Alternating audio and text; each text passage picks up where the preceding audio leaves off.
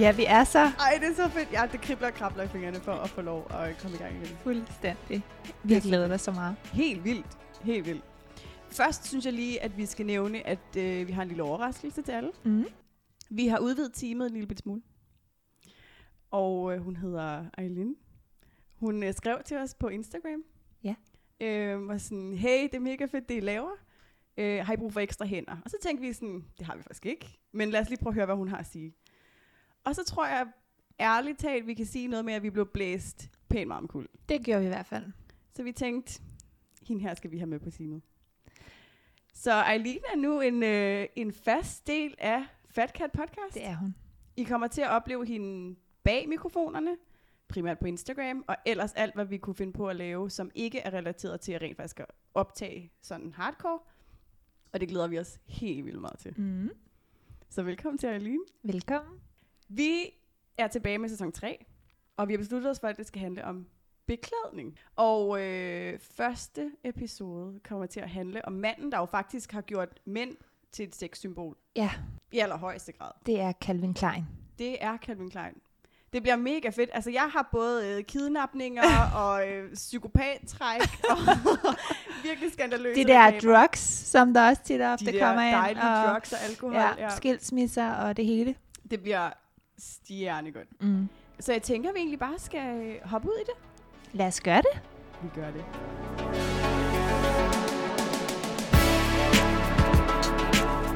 Lad os komme i gang med episoden.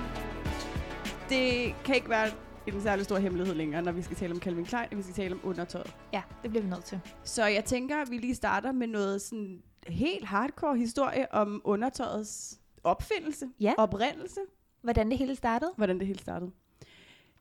Jeg har umiddelbart fundet noter omkring undertøjet helt tilbage fra 1300-tallet, så jeg tænker, at vi bare lige spoler helt tilbage og tager den derfra. Det er så spændende. Så den første type undertøj, som jo så var en underbuks i den her periode, var et lændeklæde, eller en lændeklud, som var øh, båret af de gamle Ægypter. Det blev kaldt en shanty, og var typisk lavet af sådan et øh, vævet materiale. Det kunne typisk være bomuld eller hør, og så blev det fæstnet om livet i et øh, bælte. De lidt lavere klasser i samfundet, slaverne, var typisk øh, nøgne, så på den her måde var det jo ikke et, et undertøj. Det var faktisk et overtøj. fordi de havde ikke andet på, så det var ligesom den eneste beklædning, de havde. Mm. Og den gik heller ikke under, altså blev ikke samlet mellem benene. Nej. Så det ligesom bare sådan en klæde, der sådan hang foran, ikke? Så Øhm, kan man så sidde og tænke, hvad var formålet så med det? Ja, præcis. Det siges jo, at skotter jo under deres nederdel Ja, ikke har undertøj. det er rigtigt. Jeg har stadig til gode sådan bare lyst til at løfte. op Ja. og bare jeg skal bare lige tjekke. Rygtet har bare, at du ikke har undertøj. Præcis. Mænd har så igennem historien haft de her lændeklæder på, også igennem oldtidens Grækenland og det romerske rige, og det så begynder så med tiden at blive sådan mere shorts-lignende beklædningsgenstand. I øh, 1500-tallet bliver mændenes underbukse som mere en buks Mm. lignende ting, som øh, går ned til midt på lægen, og så op og sidder fast i om, om, om livet også. Ikke? Så det bliver sådan en Det er næsten længere, en hel buks. Ja, ja, præcis. Det bliver nemlig sådan en længere, længere buks. Det blev kaldt en brace, Ja. tror jeg måske.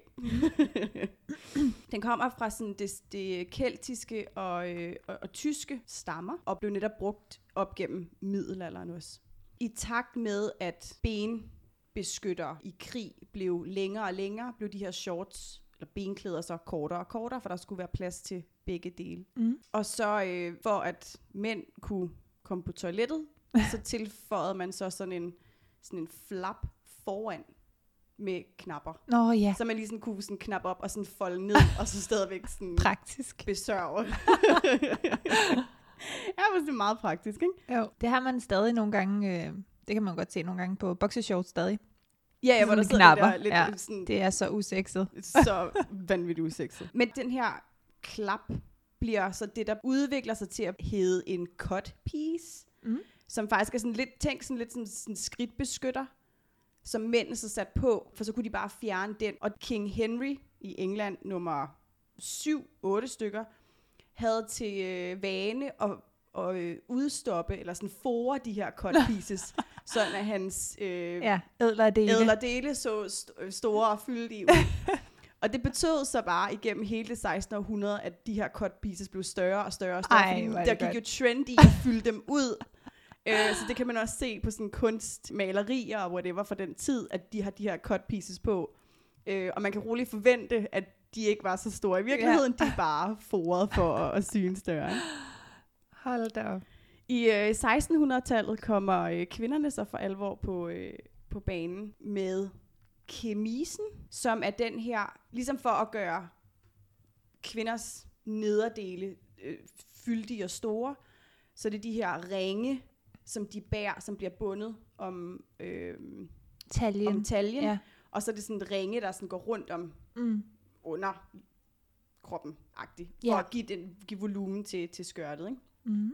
Det kommer her i, øh, i 1600-tallet, og så har de selvfølgelig en, hvad hedder sådan en, en underkjole på indenunder, og så de her korsetter, corsager, Ja. som jo var virkelig kendt for, øh, for tiden. Ikke? Mm. For øh, mændene i 1600-tallet bliver det så de her bukser, som vi snakkede om tidligere, bliver nu kaldt for drawers, fordi du sådan, you draw them on, så mm. Mhm. du trækker dem på, så det, de hed drawers. Og så havde de sådan lange skjorter faktisk på, på overdelen.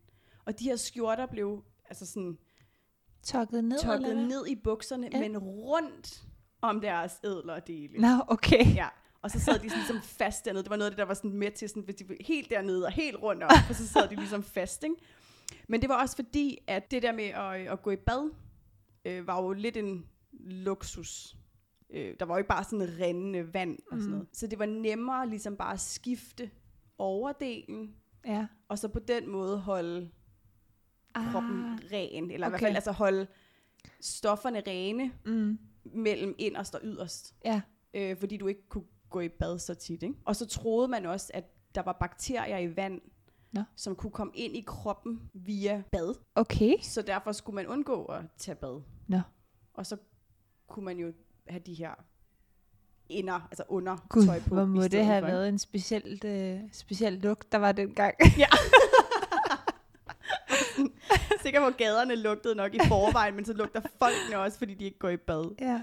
Ja. Men den her uh, trend med, øh, med at afholde snavs fra kroppen fortsætter helt op i det 19. århundrede, og øh, kommer også til Europa og Nordamerika, hvor at undertøjet lige pludselig får en funktion, netop at den skal holde tøjet, du har udenpå, ren fra snavs fra kroppen. Mm-hmm.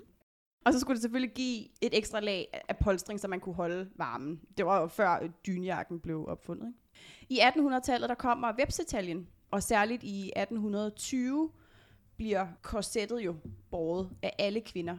Og korsettet er på det her tidspunkt stivnet af enten stål eller valben. Ja. Du ved, de her stiver, det er stål eller, eller valben. Ikke? Mm. Og det gjorde, at man fik det her sådan virkelig, virkelig smalle talje, og virkelig bare fik skubbet brysterne helt op i nakken på bekostning af, af de interne øh, organer. Og så havde man underkjolen over, og så de her krinoliner, eller en turnur. Tur, turnur. Som, ved du, hvad en turnur er? Aner det ikke. Jeg håber, det du ville fortælle mig, hvad det var. Ja, det er den der, øh, det der numsestykke, som Ja. du sætter på bagpå, så du ah. får den der Ah. lille puff. Den Ej, der, det tror jeg, vi har snakket om faktisk på, et andet, øh, på en anden episode. Ja. Jeg vidste ikke, med. det var det her Mm. ord. Men en turnyr. Vores udtalelse er ikke blevet bedre med sæson 3. så er vi fremme i øh, 1886, hvor både øh, mænd og kvinder benytter sig af heldragten. Så altså, et, et, ligesom man putter babyer i, den der sådan undertøjs heldragt, Mm. den går man i i, øh, i 1886, og bliver en forløber til long johns. Ja. Man mener, at en long john faktisk er opkaldt efter en fyr, der hedder John Sullivan, som var bokser. Nå. Øh, og vi kommer tilbage til boksning øh, senere hen også, fordi at det var Jacob Golumb, founder af Everlast Boxing Equipment, som opfandt boxershorts. Nå for søren. Derfor hedder boxershorts boxershorts. Okay. Ja. Men de kom først til i, øh, i 1925. Mm. Så det er sådan en nyere ting, og det var der, hvor man ligesom også satte, hvad hedder det, elastikbånd Ja. øverst. Og det er jo så de elastikbånd, som Calvin Klein har gjort berømte ved at skrive sit, sit navn på. Ikke? Ja. Så sker der noget i, øh, i 1900-tallet, under øh, Første Verdenskrig, for der begynder kvinder at, øh, at arbejde på fabrikker øh, og i miner og på øh, altså i landbrug, Mm. og har så brug for lidt mere Behageligt, tænker jeg, behageligt, end øh, korsettet. ikke? arbejdsvenligt tøj end, end korsetter, som de havde været vant til. Så det betyder, at silhuetten for det ydre lag af tøj ændrer Mm. sig rigtig meget. Ergo ændrer det inderste så også. Så det bliver mere sådan en løse bukser og kedeldragter, Mm. øh, som så er det, de har på, der så baner vejen for det undertøj, de har på indenunder. Ikke? Og desuden så øh, har det også stor betydning for korsettets udvikling i den her tid, fordi det jo er Første Verdenskrig, så skal man gerne bruge alt øh, metallet til våben Mm. i krigen. Så er der rigtig mange regeringer rundt om i verden, der ligesom siger, I skal stoppe med det der korset der, fordi at øh, vi skal bruge metallet til korsettet i krigen. Mm. Og det er der blevet sparet omkring 28.000 ton metal på, Wow. bare ved at forbyde metal i, i korsetter. Ikke? Så i stedet for korsetterne, så, øhm, så kommer BH'en jo faktisk til verden. Den kommer ret sent, for den kommer faktisk først i 1913. Det er takket være en kvinde, der hedder Mary Crosby, som faktisk laver den første BH. Og ved du, hvad den var lavet af? Det, den det er ret af? mærkeligt. Den er lavet, altså der er bygget af to håndklæder, som er bundet sammen af et bånd. Ja. Det er simpelthen den første BH, der bliver lavet i 1913. Ej, hvor er det vildt. Ja. Men det var noget med, at hun, hun fik ideen til den her BH, og så fik hun hendes stuepige til at hjælpe sig med at binde den rundt om sig. Og så begyndte hun jo at gå med den, og lige pludselig så synes alle hendes venner, og sådan, det der er den fedeste opfindelse nogensinde, det vil jeg også have. Ja. Så hun endte med at sidde og lave dem til, til familie og venner, og blev til sidst enig med sig selv om, okay, jeg tror, jeg patenterer den her opfindelse. Så hun patenterede den som øh, The Backless Bra. Mm.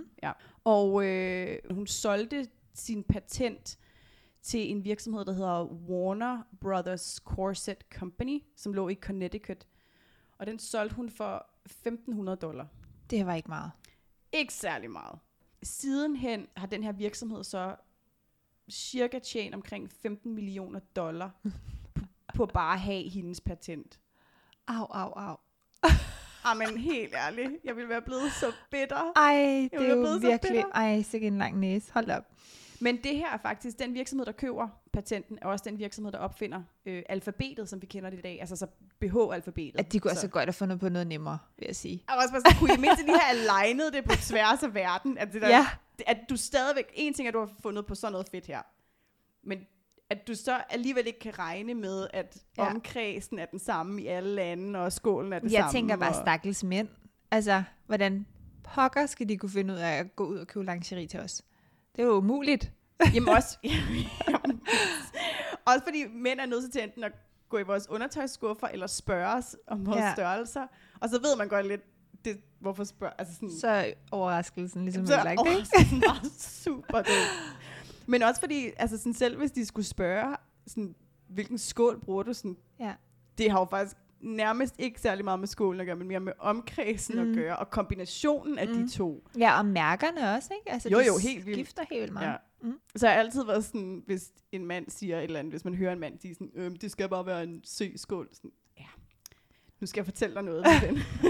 det er ikke så simpelt, Nej. og der kan være en lille C, der kan også være en stor C. Ej. Så du er simpelthen nødt til at være mere specifik her. Hvad er en C-skål? Og så er det der, hvor de kigger ned på din barm og siger, lidt Aladdin. Ja, eller sådan tager håndfladen frem og sådan, ja. bare sådan en god håndflade. Bare sådan, hvad er det, du snakker om? Hvis jeg stiller armene over hovedet, så har jeg en god håndflade, men hvis jeg har armene ned langs siden, så er det lidt en anden oplevelse. Det er ikke engang løgn. Men der sker meget med, øh, med BH'en i, øh, i de nyere tider med undertøjet generelt.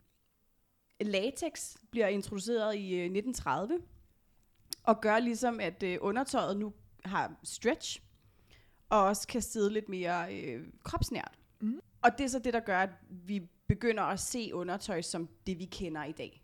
Der er jo enormt meget latex og stræk i, i det undertøj, vi, vi bruger i dag. Ikke? Og så kommer der så i 1959 en øh, ny opfindelse, der hedder Lycra.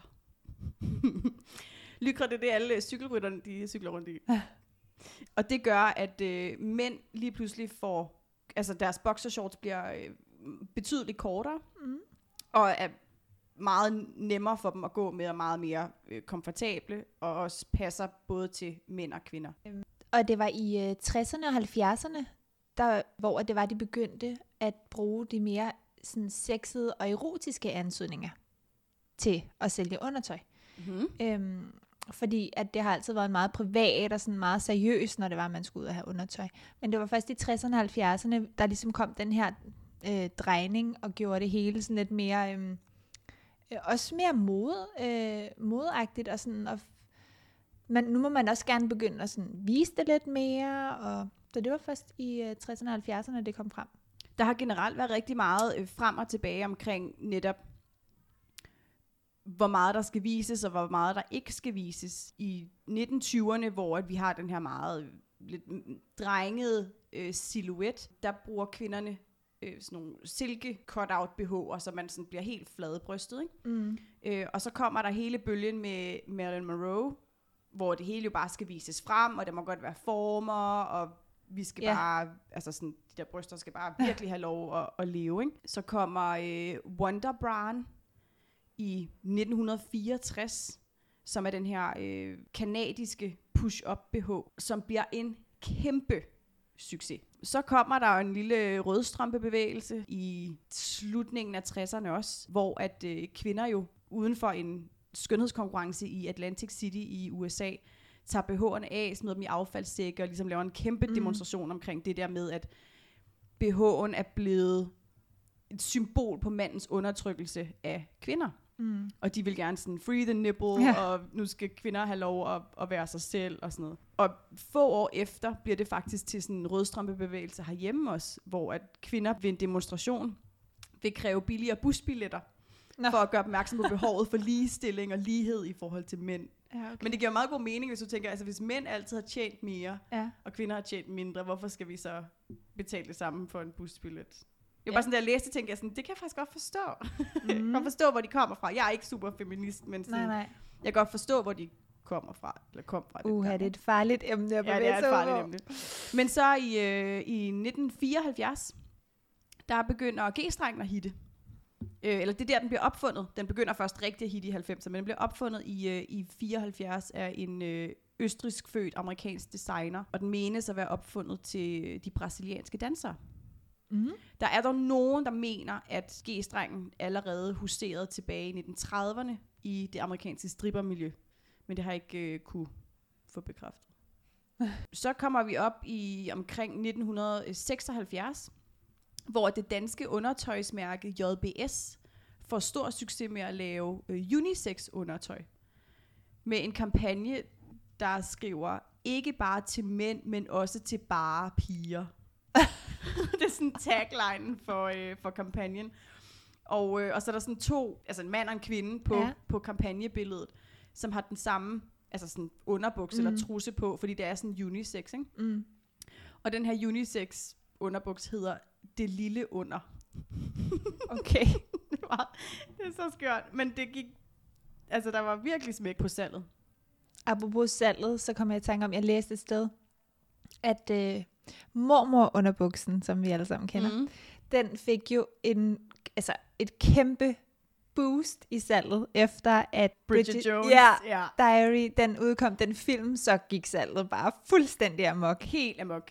Det Ja. var så sjovt. Men det er også, altså i, i sådan udvikling og tiden, er jo meget reflekteret i det, det undertøj, vi har på. Ikke? Jo. For eksempel så i 90'erne kommer der en bølge i takt med, at Madonna jo ligesom har den her ikoniske sådan cone bra på, mm. På hendes uh, Blonde Ambition Tour. Ja. Så lige pludselig er det okay at bære undertøj uden på tøjet. Ja. Altså ligesom som, et, som en, en beklædningsgenstand, der godt må vises frem. Mm. Og i slutningen af 70'erne er der også en amerikaner, der hedder Roy Raymond, som grundlægger Victoria's Secret. Og det gør han, fordi han synes, det er irriterende, at han ikke kan finde lækkert og sexet undertøj til sin kone. Mm.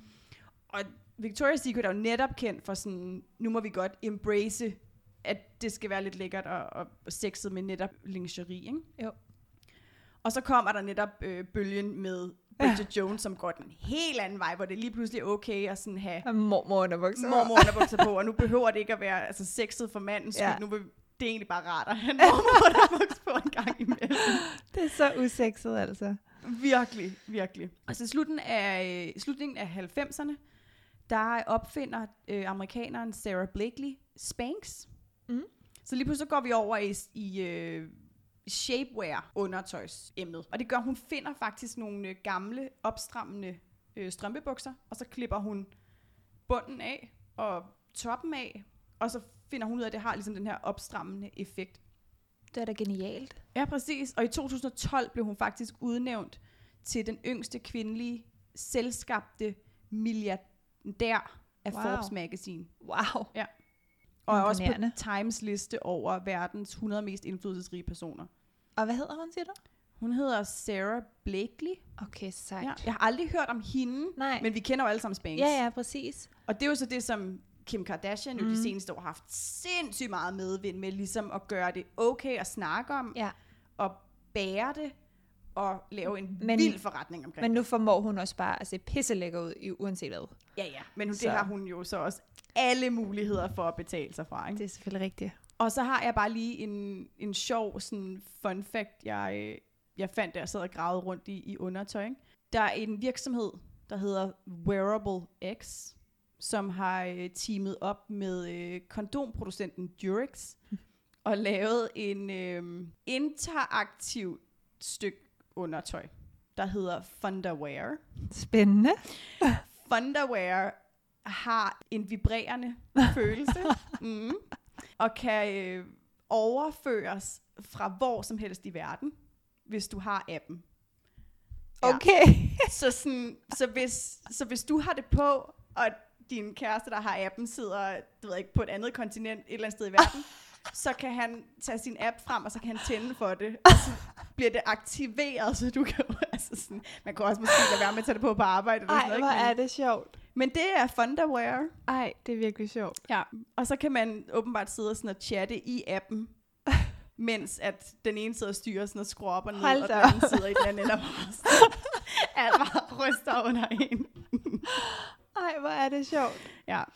Og så er der også de seneste år sket en kæmpe udvikling inden for absorberende undertøj, sådan at man jo faktisk kan have menstruation uden hygiejnebind, hvor du bare altså bløder ned i underbuksen, og så Wow. vasker du den, og så kan du genbruge den. Wow, Ja, det er det, det var nyt for mig. Kender du ikke det? Nej, Hvor har du været på Instagram de sidste to år? er ikke der.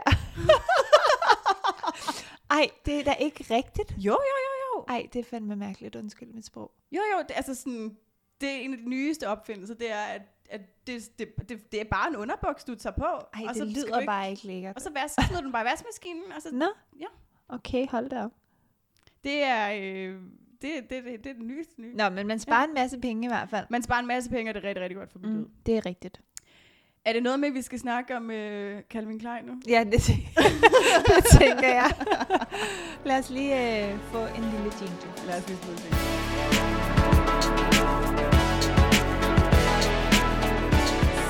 Skal vi tale lidt om Calvin Klein. Oh, bring it. Det er jo faktisk første gang, vi skal tale om en amerikansk modedesigner nu. Det er rigtigt. Mm. Vi har været meget i Frankrig og meget i Italien. Og nu skal vi til Amerika.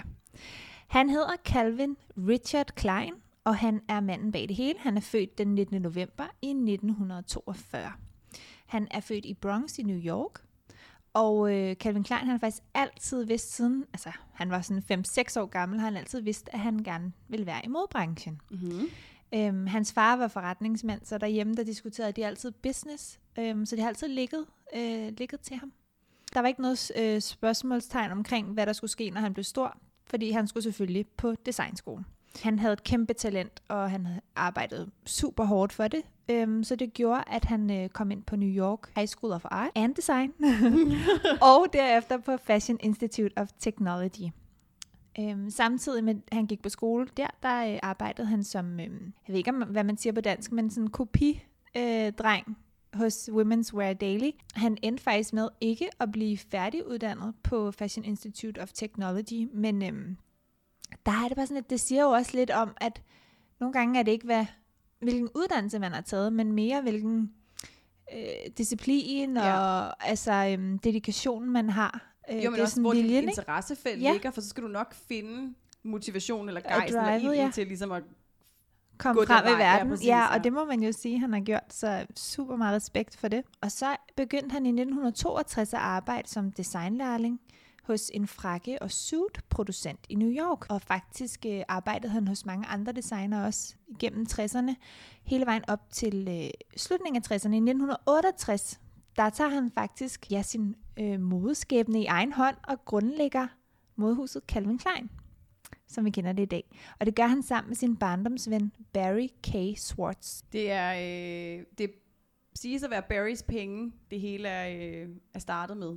Øhm, Ja, noget af 10.000 dollars, tror jeg. 10.000 det er. dollar Ja. lyder historien. Mm. Mm. Øhm, den øh, brakke designer, Calvin Klein arbejder for, hedder Dan Milstein. Og Calvin Klein og, og Dan Milstein har sådan i mange år gået sådan lidt og snakket om sådan, hey, skal vi lave et eller andet sammen, og skal vi eventuelt lave sådan et, et udspring af, af, af en forretning øh, sammen. Og så øh, på et eller andet tidspunkt, så låner Calvin Klein 2.000 dollar af Barry Schwartz til at lave nogle prototyper i hans samarbejde med Dan Milstein. Det øh, bliver ikke nogen sådan super stor succes, men det siges, at hver gang, at Calvin Klein skulle bruge penge, så ringede han til sin gode ven Barry Schwartz. Mm. Og så fik han lige lidt, lidt ekstra penge, ikke? Ved du, hvor pengene kom fra? Det er Nej. også lidt sjovt. Det er fordi, at øh, jeg hørte i et interview med øh, Calvin Klein, at Calvin Kleins far arbejdede i supermarkedbranchen, øh, og det Mhm. gjorde Barrys far også. Øh, han havde vist i supermarked, tror jeg det var. Så Barry, han øh, gik altid op i kassen, og så tog han penge fra kassen, altså kontanter. Så sådan igennem hele starten af Calvin Kleins øh, karriere og deres business, der bliver alle de her sådan, øh, producenter, de bliver betalt i kontanter, fordi det er jo nogle penge, han har taget fra farens Nej. supermarked. Okay, så farens supermarked er investor. Ja, uden han ved Uden det. han ved det. Ej, hvor er det sindssygt. Vildt sjovt. Nå, men efter at Dan Milstein og Calvin Klein har lavet øh, en kollektion, så tænker ham her, øh, Dan Milstein, lad os lave en virksomhed sammen. Men på det her tidspunkt har Calvin Klein allerede lavet en virksomhed, som han har stiftet sammen med Barry Schwartz. Mm. For de her berømte 10.000 dollar. Ikke? Det glemmer han så lige at fortælle. Ja. Øhm, Au, au, au. den søde Dan Milstein, så de bliver rørende uvenner og taler faktisk ikke i 24 år derefter. Mm. Jamen, det er også lidt tavligt. Ja, det er meget, meget tavligt. øhm, og specielt fordi, at Calvin Klein Limited, som virksomheden hedder, bliver en kæmpe million succes, bare inden for de første få år af, af deres af forretningen. mm. Og vækster jo helt vildt meget til et punkt, hvor de tænker, nu skal vi have nye kontorer. Og så vælger de at flytte ind i samme bygning, hvor Dan Milstein har kontor. Nej. Jo. okay, på Ja. lige salt i såret. Lige præcis, og formålet var netop, at sådan, han ville sådan rub it in his face. Ah, really? Ja, oh. altså det var hele formålet med at flytte den her kontorbygning. Nej, nej, nej, nej, nej. Ja. I løbet af slutningen af 60'erne og starten af 70'erne bliver det jo en kæmpe million succes igen, Calvin Klein. Det, vækst, det altså vokser, vokser, vokser, og der pengene vælter bare ind. Ikke? Mm. Så da de har brug for at, øh, at få større kontorer, flere kontorer, så begynder han stille og roligt at opkøbe Dan Milsteins kontormøbler. Fordi Ej. det går rigtig dårligt for Dan Milstein, så han begynder bare at Ej. opkøbe sådan alt det der. Ikke? Ej, får helt ondt af ham. Ja. til et punkt, hvor han til sidst ender med at have opkøbt hele Dan Milsteins kontor, og faktisk overtage Dan Milsteins kontorplads. altså bare sådan, nu, tager, nu kommer jeg bare lige ind her, og bare lige overtager alt min gamle chefs. Ja, præcis. Wow. Så, øh, så no wonder, at de Hvad så har, ikke taler han, sammen. hvad har han dog gjort ham? Altså, gud. Jeg ved det ikke. Altså, jeg tror han, måske øh, bare, at der er sket en eller anden Ja. miskommunikation eller whatever i den der transaktion, hvor at de laver noget sammen og tænker, okay, så skal vi stifte virksomheden sammen, og så stifter han virksomheden med Barry, som jo også er lidt hans pengemand. Mm. Jeg ved ikke, om der står en eller anden knap, der bare slår fra op i hjernen, der bare tænker sådan, nu skal jeg bare vise ham. Ej, Hvor man det skulle tænke, at det var. Dan Milstein, der havde noget, han skulle Ja. vise Calvin Klein. Men Præcis. det er Calvin Klein, der bare går ind og bare sådan, du ved, rundsav på alle buerne og bare saver Ej. ham over, ikke? Det er synd. Ja, det er faktisk lidt synd. Ja. Men øhm, ja, altså de får jo en kæmpe succes. Det er lidt sjovt, fordi måden det, start, det hele startede på, jeg spoler lidt tilbage i tiden igen, det er, at øhm, i starten så gør Calvin det, at han laver en meget, meget lille section af samples. Mm-hmm. Og det består af fire frakker og tre kjoler. Og så gør han så det, han fortæller det til sådan øh, to-tre øh, indkøbere, som han kendte dengang. Øhm, og så siger han, at jeg er i gang med det her, og, øh, og I skal se, øh, hvis I har lyst, så kan I komme og se det. Og øh, det skal lige siges, at Calvin Klein havde stadig et andet job, da han så fortæller de her indkøbere omkring det her tøj, han er i gang med at lave. Øhm, og de siger så til ham, jamen øh, vi vil gerne købe det, men på en betingelse, at du siger dit andet job op. Øh, det var så ikke noget problem, for øh, det firma Calvin han arbejdede for. De hørte, hvad det var, han var i gang med, så øh, ja, de fyrede ham. Ej, Så det var meget nemt.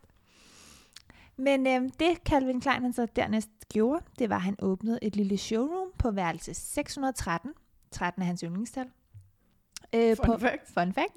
På øh, York Hotel øh, med de her 10.000 dollars, som Barry han havde lagt ud. Øh, ind ad døren kommer der så den her meget, meget flotte, velklædte mand øh, på det her virkelig utrolig lille hotelværelse, hvor han har sit showroom. Og han introducerer sig selv som General Merchandise Manager for Bonvit Teller, som var det her øh, kæmpestore luksus øh, stormagasin, som øh, lå et par steder i New York blandt andet. Øh, han kiggede rundt, og så siger han, øh, i morgen, øh, i morgen fredag, der kommer der en indkøber ned og, øh, og køber tøjet, og så på lørdag, der skal du så op og vise tøjet til præsidenten, altså for stormagasinet. Øhm, og så vil du øh, blive opdaget, og det var altså i marts i 1968, han altså lige startede. Ja, ja, det er inden for et år efter, han har stiftet Det virksomheden. er så sindssygt. Så det Calvin Klein han gør, det er, lørdag skal han jo så op og vise den her kollektion, og han har så det her rack, øh, tøjrack, som han kører fra 7th Avenue over til 5th Avenue med et hjul, der er røget af, så han sådan trækker det her Ej. rack hele vejen igennem New York. og når så endelig frem, og han er død nervøs, og så møder han så den her præsident for Stormagasinet, øh, som kigger på tøjet, og hun siger, jeg vil gerne betale dig 10 dollars mere end øh, asking price, fordi, og dengang var det virkelig mange penge faktisk, men så længe at du laver tøjet, som de er ligesom samples, mm-hmm. fordi at det tit og ofte bliver ikke lige så godt, når Ja. det, er, det bliver produceret. Og så vil hun også derudover have eksklusiviteten, men det gik han så ikke med til. Det var han klog nok til at, ikke Ja, ja, at, ja, at gå med til. Så øhm, de køber for 50.000 dollars, og han var meget forundret, fordi at de har jo ingen idé om sådan en ung fyr på 26 år, tror jeg, han har været på det tidspunkt. De aner jo ikke, om han kan levere varerne. Altså, han har jo aldrig lavet øh, en kollektion før. Så øh, han får simpelthen den her kæmpe chance. Og øh, salget hans første øh, kollektion, eller sådan første sæson, den formår at krydse 500.000 dollars. Og i 1977, altså blot ni år senere, der øh, bliver hans brand registreret med et salg på mere end 30 millioner dollars. Ej, hvor er det sindssygt. Altså, jeg tror nu nok, at Barry han var glad for, at han lige lagde 10.000 dollars ud dengang. Jeg tænker også, det var en ok investering. Take my money! Ja. Take my money! Virkelig godt. Og Calvin Kleins tøj har jo altid lige siden begyndelsen været meget øh, minimalistisk og ungt. Øh, han har gået meget efter det her clean look og sexet, som han selv siger.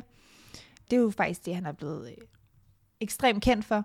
Og øhm, han gjorde det dengang, du ved, i 80'erne og sådan noget, der var det jo meget med paljetter. Altså, der skulle ske meget. Og han gjorde det fuldstændig modsatte. Ja. Han prøvede bare at gøre tøjet så skrabet som muligt, fjernede alle detaljer, og på den måde så fik han personen frem. Altså, som, altså det er personen, Ja. der bærer tøjet, Ja. og den sunde krop, som kommer i fokus. Ja. Og øh, det bringer os videre til en øh, sektion omkring jeans, Bring it. mm, fordi at det må man sige, han også har haft succes med. Jeg elsker det her citat. Calvin Klein har jo et citat. Han har sikkert flere, men øh, blandt andet det her. Jeans are sex. The tighter they are, the better they sell. Det er jo ikke helt løgn, vel? Nej. Altså, det er jo, det er jo virkelig, virkelig rigtigt. det må man sige. Altså, han er jo en mand, der virkelig formår at provokere, altså på Ja. det sådan seksuelle plan. Ja. Han, han går all in, og det går hen og bliver sådan helt um, Mr. Grey uh, kind of ja, ja, vibes. vi har nogle kampagner, vi skal igennem os øh, på, øh, på et tidspunkt. Præcis, det bliver virkelig sjovt. Så, men i 1978, det er så året, han starter på den her vilde rejse med at producere jeans. Og øh, Calvin Klein, han hyrer mesterfotografen Richard Avedon til at instruere husets første tv-reklame. Han var faktisk ikke særlig meget for at lave tv-reklamer, men han blev overbevist om, at Ja. det var altså en god idé. Ja. Så Richard Avedon, han kendte skuespilleren Brooke Shields fra en fotosession fra Vogue. Øhm, så han foreslog, at de skulle bruge hende som model. Og på daværende tidspunkt har Brooke Shields altså været omkring de 14 år. Der er nogle steder, hvor de siger 15, nogle steder, hvor de siger 13. Øhm, Hun var i hvert fald virkelig, virkelig ung. hun har været virkelig Ja. ung. Og det, der så sker, det er, at øh, man må sige, Calvin Klein går måske lige lidt over stregen her. Fordi øhm, den her kampagne med Brooke Shields, det er, at hun sidder på gulvet i et par Calvin Klein jeans med spredte ben Mhm. mm-hmm. oven i købet, og siger, You wanna know what come between me and my Calvins? Nothing. Som 14-årig. Som 14-årig. Ja. Det havde man ikke lige set før, og øh, med den her øh, replik, så har det jo gået ind og provokeret rigtig, rigtig mange mennesker. Ja.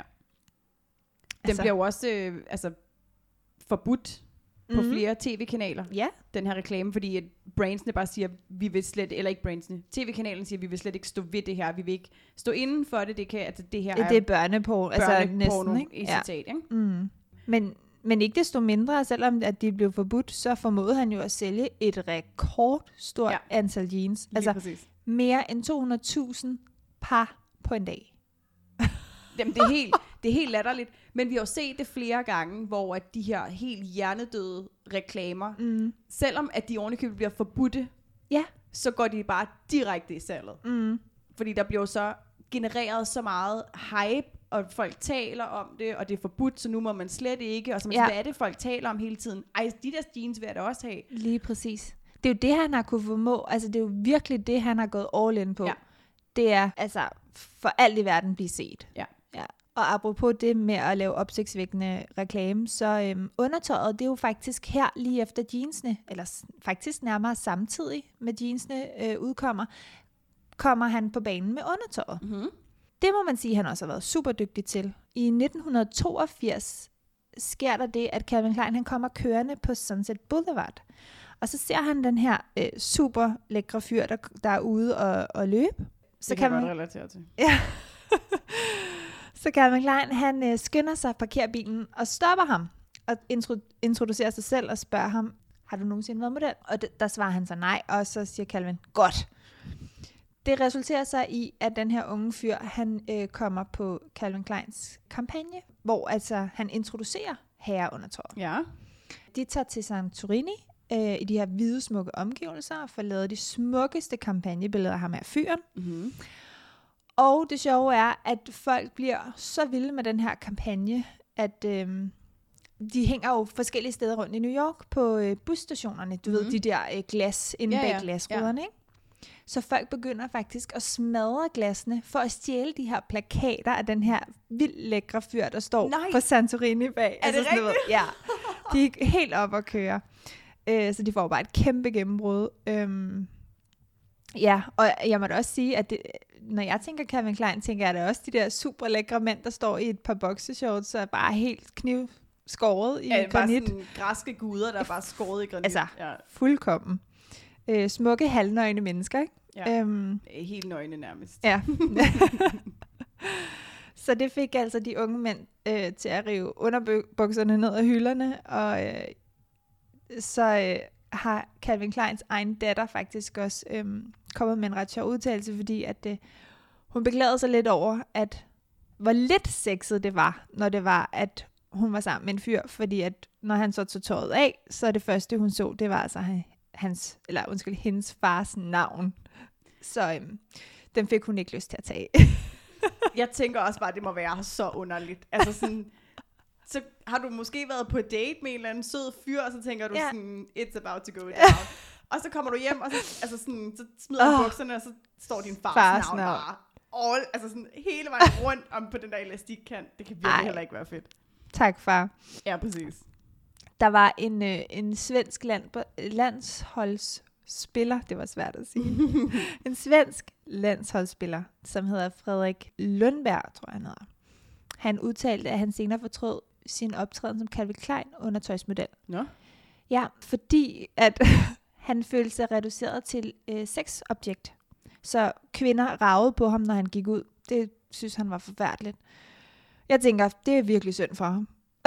Stakkels, Stakkels mand. stakkels, stakkels mand. Ja. Tænk, og hvor må det være forfærdeligt at blive øh, overdynget af lækre øh, kvinder, der Og bare vil også, have hvis man lige sådan skal, hvis man lige skal sådan flippe den, ikke? Prøv at hvor irriterende det må være at gå ude, bare, sådan, bare lige netto, så kommer der bare kvinder over, og bare sådan, Og rør. sådan, Ej, hallo, give me a break.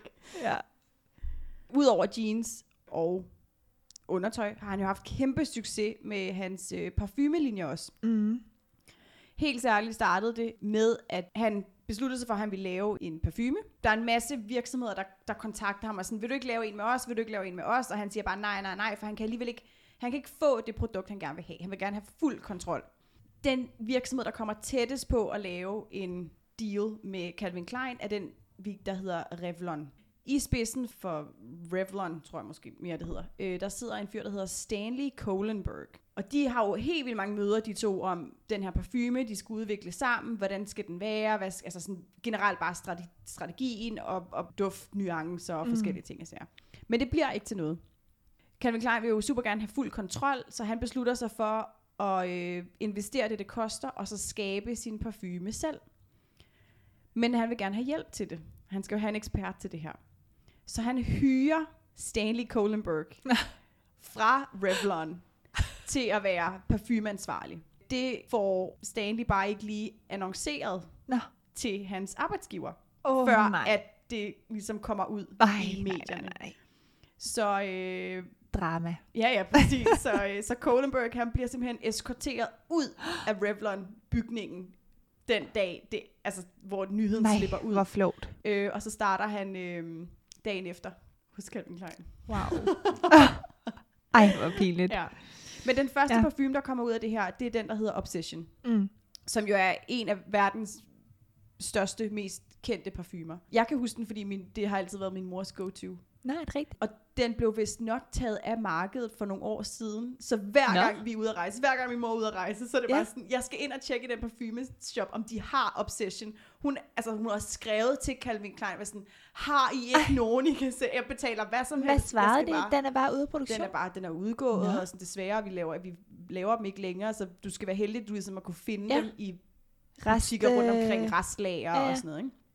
Wow. Så hvis I nogensinde ser en Obsession, så er jeg sikker DM. på, at bare, bare DM min mor, så skal hun nok overføre. Men, øh, men det var jo en, det var hans aller, aller første parfume scoop.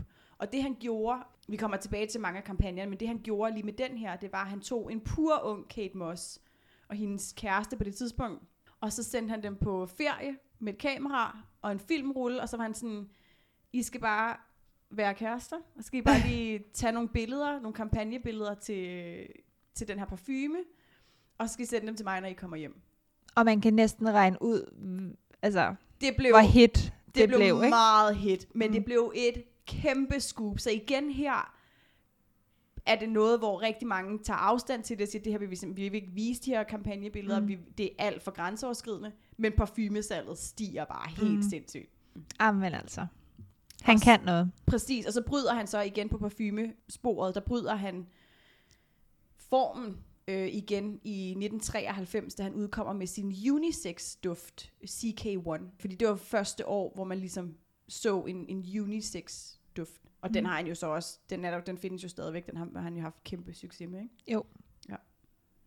Det er også i 93, at øh, han bliver udnævnt til America's Best Designer. Men i 99, der bliver virksomheden faktisk sat til salg. Det gør den. Ham og Schwartz beslutter sig for at sætte virksomheden til salg. Og sælger den til en virksomhed, der hedder Philips Van Heusen Corporation i december 2002. Ja, altså, øh, de startede jo faktisk med at vil have en, øh, altså salgsprisen skulle være på 1 milliard dollars. Ja. Men der var ikke rigtig nogen, der kom med nogen tilbud, der var tæt nok på. Faktisk var øh, Tommy Hilfiger interesseret, og Moe Hennessy Louis Vuitton var interesseret. Det giver god mening. Mm. Ja. Men øh, det var altså Philips, der, øh, der gik med den, og de betalte 400 millioner. Ja, der, der er sådan forskellige tal, men 400 millioner dollar mm. har jeg øh, læst flest gange. Men så var der også 30 millioner i P, øh, altså Philip van Heusen.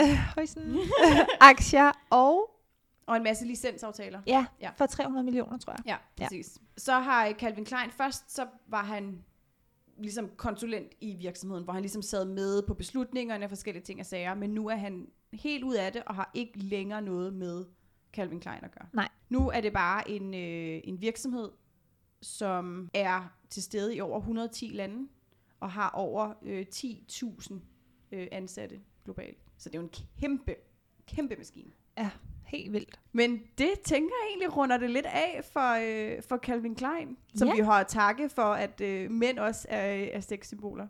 Men det tænker jeg, vi, skal, vi kan snakke lidt om i øh, den næste blog. Skal vi ikke lige smide en jingle på? Lad os gøre det. Lad os øh, prøve at kigge lidt på øh, nogle af de vilde kampagner, som han jo er rigtig kendt for. Men lad os starte et lidt andet sted. Ja, fordi at Calvin Klein har en datter, der hedder Marcy. Og i 1978, den 3. februar, der sker der altså det, at hans datter bliver kidnappet. Det er faktisk samme dag, som han skal lancere en ny duft, og hans denim-kollektion kommer på gaderne. Det kunne ikke have været dårligere tegn. Nej. Så øh, den her morgen, der stiger Marci ombord på en bus, og hun skal så hjem til sin mor, men hun kommer aldrig frem, fordi at undervejs på turen, der møder Marcy en kvinde kaldet Polly, Rancy Lewis, som er hendes gamle babysitter. Marcy, hun er 11 år gammel på det her tidspunkt, og øh, hun bliver jo glad for at se Polly, og øh, hun tænker ikke, at der er nogen øh, dårlige intentioner i det, så hun øh, følges med hende. Polly, hun fortæller Marcy, at hendes far er blevet syg, og at øh, han har ringet til Polly og sagt, at de skal komme over på hospitalet.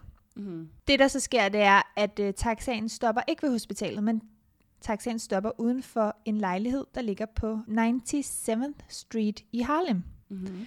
Her der bliver Marcy konfronteret med en, der hedder Dominic Rancy, som er Paulys bror, og hans ven Cecil Wiggins. Og det er jo så klart, at hendes far er jo selvfølgelig ikke her. Nej, så øh, han er efter sine på, på arbejde og bliver så ringet op flere gange af de her kidnapper, som jo selvfølgelig vil bede ham om at dukke op et bestemt sted med en løsesum for at få frigivet datteren. Mm. Og de ringer som sagt flere gange og beder ham så om at komme med en løsesum på 100.000 dollar i kontanter. Og dem skal han så smide ved bunden af en, en rulletrappe i uh, Panam-bygningen, som ligger bag Grand Central Station, og det skal han gøre klokken øh, 4 om eftermiddagen. Og så skal den her øh, pose penge så køre op ad rulletrappen, og så står der så en op for toppen og tager den og kan forsvinde med den. Ikke? Mm. Men givet, at Calvin Klein jo er en, en, sådan en, en offentlig øh, person, så ringer han til politiet, som så sætter FBI på sagen, som så sørger for, at den her bygning er overvåget i det øh, øjeblik, at Calvin Klein går ind og stiller pengene, og de ligesom, det er så meningen, de skal spotte, hvem der tager pengene og, og smutter afsted. Ikke? Jo. Politiet når, mener, de har fået sådan a good look of the person, men ikke noget, der sådan er med til at afgøre øh, sagen. Så vedkommende slipper ligesom bare afsted med pengene, og en time efter, klokken 5, finder man så pigen i den her lejlighed, hvor hun har været øh, holdt fanget hele dagen, ganske som kidnapperne. Hedder det det? Kidnapperne? Ja, Kidnapperne? Altså, jeg, jeg fik fat i øh, en artikel, hvor der faktisk stod, at øh, Calvin Klein, han var først inde i en bygning, og så løb han op ad trappeopgangen og bankede mega hårdt på alle dørene, fordi at, øh, altså, kidnapperne havde faktisk givet ham den forkerte adresse, så det tog ham næsten 10 timer, før at han så fandt Marcy. Nå, Ja, ja, det er selvfølgelig lidt en anden historie. ja det må man sige. Ja. Men ikke Så, desto øhm, mindre, hun bliver i hvert fald fundet igen i god behold, og kidnapperne får deres penge, og bliver også fanget. Og der kører selvfølgelig en retssag på dem, og bliver alle sammen dømt. Ja, det gør de. Pauli starter faktisk med at sige, at de har en affære, og det er faktisk er Calvin Klein, der har fået ind til det, for at promovere hans denim-kollektion. Wow. Øhm, så hun hævder altså, at han har været involveret i det, og at, øhm, at det er ham, der er mesteren bag hele plottet, faktisk. Hun får så faktisk senere hen en øh, løgndetektor-test, Ja. øhm, og øh, hun fejler selvfølgelig, og ender også med at øh, tilstå sin Forbrydelse. forbrydelse. Ja. Så 25 års fængsel bliver de øh, idømt. 25 år alligevel. Mm. Man skal skulle lade være med at kidnappe kendte folks børn. Ja. Det var bare lige en uh, tip of the day. Ja. Nå, lad os, øh, lad os snakke om nogle kampagner. Lad os gøre det. Lad os lige øh, løfte, øh, løfte humøret igen efter kidnapningen. Mm. Har du nogle gode kampagner, vi skal snakke om? Det har jeg i hvert fald. Bring it. Vi har jo en kampagne, der sker her i 2019 faktisk. Okay, nyere tid, ja. I nyere tid. Calvin Klein har øh, været i det, man kalder en massiv modvind. Den her øh, reklame, den drejer sig om to kvinder. Mm-hmm. Og de to kvinder, det er øh, to kvinder, der så kysser hinanden i den her reklamefilm, der var i 30 sekunder. Uh, De her to kvinder er henholdsvis Bella Hadid og en influencer. Oh, okay, ja. Og hold nu fast. Fordi det drejer sig nemlig om en influencer, der er animeret. Hun hedder Michaela, eller også kaldt for Lil Michaela. Så ja, hun er ikke et rigtigt menneske. Hun er en robot. Ja. Ja. Super mærkeligt. Det, der så sker, det er, at folk de bliver faktisk ret provokeret af det her, fordi at de mener, at han burde have valgt en ægte LGBTQ Plus ja. øhm, person, i stedet for at have brugt en robot. robot. Ja. Og så er der også nogen, der mener, at han skal stoppe med at bruge homoseksualitet til at sælge tøj. Øhm, så der har været ret meget ramaskrig over, at, at det her øh, har været en animeret ja, Figur. figur, der, Karakter, ja. der har været øh, hovedpersonen i den her reklamefilm. Calvin Klein undskylder og fortæller i en pressemeddelelse, at deres intention med reklamefilmen var at udfordre konventionelle normer og stereotyper i reklamer. Mm-hmm. Så øh, det var i hvert fald en af dem. Hold da op. Ja. Han har jo altså, netop modtaget meget modgang også for den reklame, vi snakkede om tidligere med, med Brooke Shields, hvor at, øh, det, det kom simpelthen til et punkt, lige præcis med den specifikke kampagne, at øh, præsident Bill Clinton og, øh, og First Lady Hillary Clinton dengang gik ud offentligt og bare sagde sådan, det her kan simpelthen ikke være rigtigt. Og det initierede US Justice Department til rent faktisk at lave en reel undersøgelse ind i, hvor gammel hun var for at tjekke, om det rent faktisk var altså amatør Okay. børneporno wow. øh, med den her reklame. Ikke? Hmm. Og siden da har Calvin Klein også været ude og ligesom offentligt sige sådan, ja okay, retrospektivt gik jeg måske en lille bitte, 20, altså en lille bitte smule for langt med den her kampagne. Ja, Men igen, det er jo det, der har skabt det brand, han har i dag. præcis. Nyere kampagner, øh, som ikke, var, er, ikke er kontroversielle, men har jo blandt andet haft navne som øh, hele Kardashian-Jenner-klanen Mm. på rollelisten. Også Justin Bieber for eksempel. Ja. Og det var jo øh, Mark Wahlberg, øh, Marky Mark, der var mm. den første originale Calvin Klein-model. Mm. Og sidenhen har vi jo også set øh, mange fodboldspillere. David Beckham har vi også set pryde kampagnerne i, øh, i undertøj. ikke? Det har vi. Jeg har, jeg har ikke øhm, kunne undgå at støde på nogle andre sjove kampagner, der er gået helt galt, men det er faktisk for nogle andre firmaer, men jeg synes ikke, I skal snydes. Lad os høre det. Blandt andet en øhm, fra H&M i 2017, Mm-hmm. hvor at de kom i alvorlig klemme. Det kan godt være, at I faktisk kan huske det. Jeg kan faktisk godt huske det. De øh, udkom med en øh, reklame med den her grønne hættetrøje, hvorpå der står Coolest Monkey in the Jungle. Hvor børnemodellen i trøjen var en mørk dreng. Gud, det ringer klokker. Ja, er det rigtigt? Det er rigtigt. Det betød protester hele verden over. Herværk, og øh, de mistede en femtedel af deres øh, Omsætning ja, på ja, den her ene hoodie. værdi. Ja, Ej, hvor altså det, det gik helt amok. Jeg stødte så også på noget andet. Mm-hmm. Jeg må indrømme, jeg kom, jeg kom lidt til at grine over det her, fordi jeg synes simpelthen, det er for dumt. Det er noget, der bare ikke må ske. Det er Dolce Gabbana, Mm-hmm. mm. der i år 2018 øh, skal afholde et stort modeshow i Kina. De laver det her show for at promovere, og de har tænkt det som en hyldest til Kina, men i stedet for bliver det set som ekstremt racistisk og respektløst, fordi en af stifterne, Stefano Gabbana, Mm-hmm. han omtaler kinesere som dumme, og Kina som et lorteland. What? Det her, det er en privat samtale, der bliver lækket, hvor han siger de her ting. Det er jo virkelig noget, der kan ødelægge en hel virksomhed. Og det har det altså også gjort for Dolce Gabbana, fordi de har mistet en ekstrem øh, omsætning, kan man sige. Fordi Kina er det land i verden, der bruger flest penge på luksusprodukter. Ja. Så øh, ja, det, det Hvornår skal var man... det her? I 2018. Så det er forholdsvis for nylig? Ja, det er. Ah, men hvor er det pinligt. Ej, det der, Jamen, jeg, så saver jeg, jeg, man sad, også bare sig selv over. jeg sad og krummet tær, da jeg læste. Jeg tænkte bare, det, det må bare ikke ske. Nej. Ja, det øh, skulle I ikke snydes for. Man skal virkelig være, på, øh, påpasselig med, øhm, med, hvad man siger. Det skal man virkelig. Men det har vi også, det har vi stødt på flere gange også, altså hvordan Mm. designer er, er virkelig kommet i modvind, fordi de er kommet til at sige noget dumt, eller Mm. øh, har stået lidt for hårdt fast på en, på en bestemt kampagne, eller, eller sådan noget, ikke? Jo. Øh, og der er en rigtig, der er sådan en super hård, fin grænse mellem at stå fast på en kampagne, som rent faktisk lykkes, fordi den er troværdig, og så stå fast på en kampagne, som bare er, åndssvag i forhold til dit brand, Ja. og det så ender med faktisk bare at slagte brandet i, i stedet for. Ikke? Jo, jo, præcis. Jamen, så tror jeg faktisk, vi kom hele vejen rundt om øh, Calvin Klein Det tror jeg også. og undertøjets historie. Ja. Og vi er jo kun lige gået i gang. Ja. Det er, det er jo det skønne ved, ved den her podcast.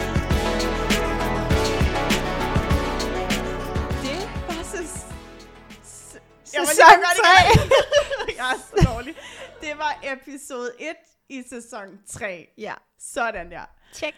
Check mark. I næste uge bliver det rigtig, rigtig vildt. Vi sidder og er helt op og kører lige nu. Vi skal snakke om kjoler. Ja. Men hold nu fast, brandet vi skal kigge på er, Versace. vi kommer til at skulle bruge så meget tid på at researche, fordi mm. det er jo virkelig huset, der bare er kendt for all the drums.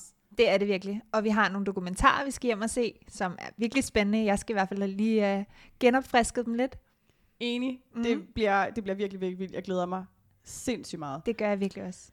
Men i mellemtiden kan man jo øh, gøre os den kæmpe tjeneste og øh, gå ind, hvor man lytter, tryk subscribe, og så tryk på de der små søde stjerner, der sidder. For så rater man podcasten, og det hjælper os helt, helt, helt vildt meget. Mm.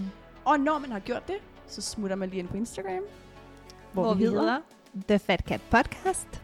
Og der har vi nu eminent godt content inde. fordi det har vi søde Eileen til at stå for. Så øh, have det rigtig godt, til vi øh, ses igen i næste uge. Vi ses. Hej!